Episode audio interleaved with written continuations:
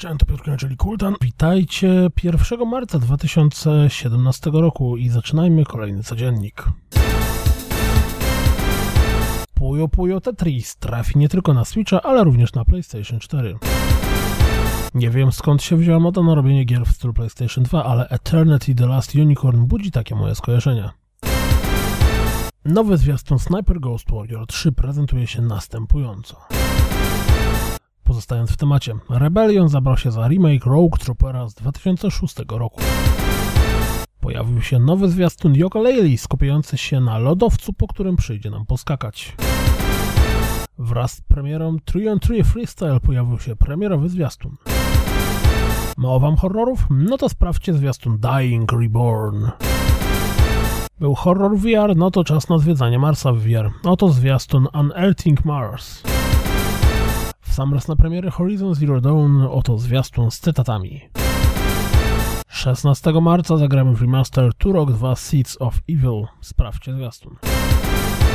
Być może w marcowym PlayStation Plus dostaniemy Tearaway Unfolded i Disc Jam. W Timbleweed Park zagramy 30 marca. Również Bitkopa zagramy 30 marca. Ten zwiastun. Dowiedzieliśmy się, że powstanie nowa gra w świecie Awatara. Jeśli jeszcze nie przekonaliście się do zakupu Halo Wars 2, to może demo gry, które niedługo ma się pojawić na Was wpłynie. Do Cities Skylines zmierza kolejny dodatek Mass Transit.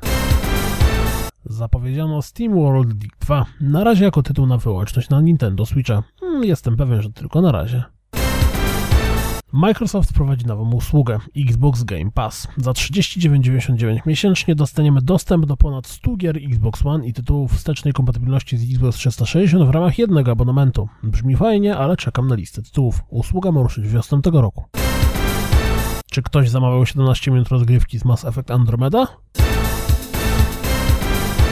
To wszystko na dziś, jak zawsze. Dziękuję za słuchanie, jak zawsze zapraszam na www.rozgrywkapodcast.pl Jeśli doceniacie moją pracę, wesprzecie mnie na Patronite i mam nadzieję, że słyszymy się jutro. Trzymajcie się, cześć!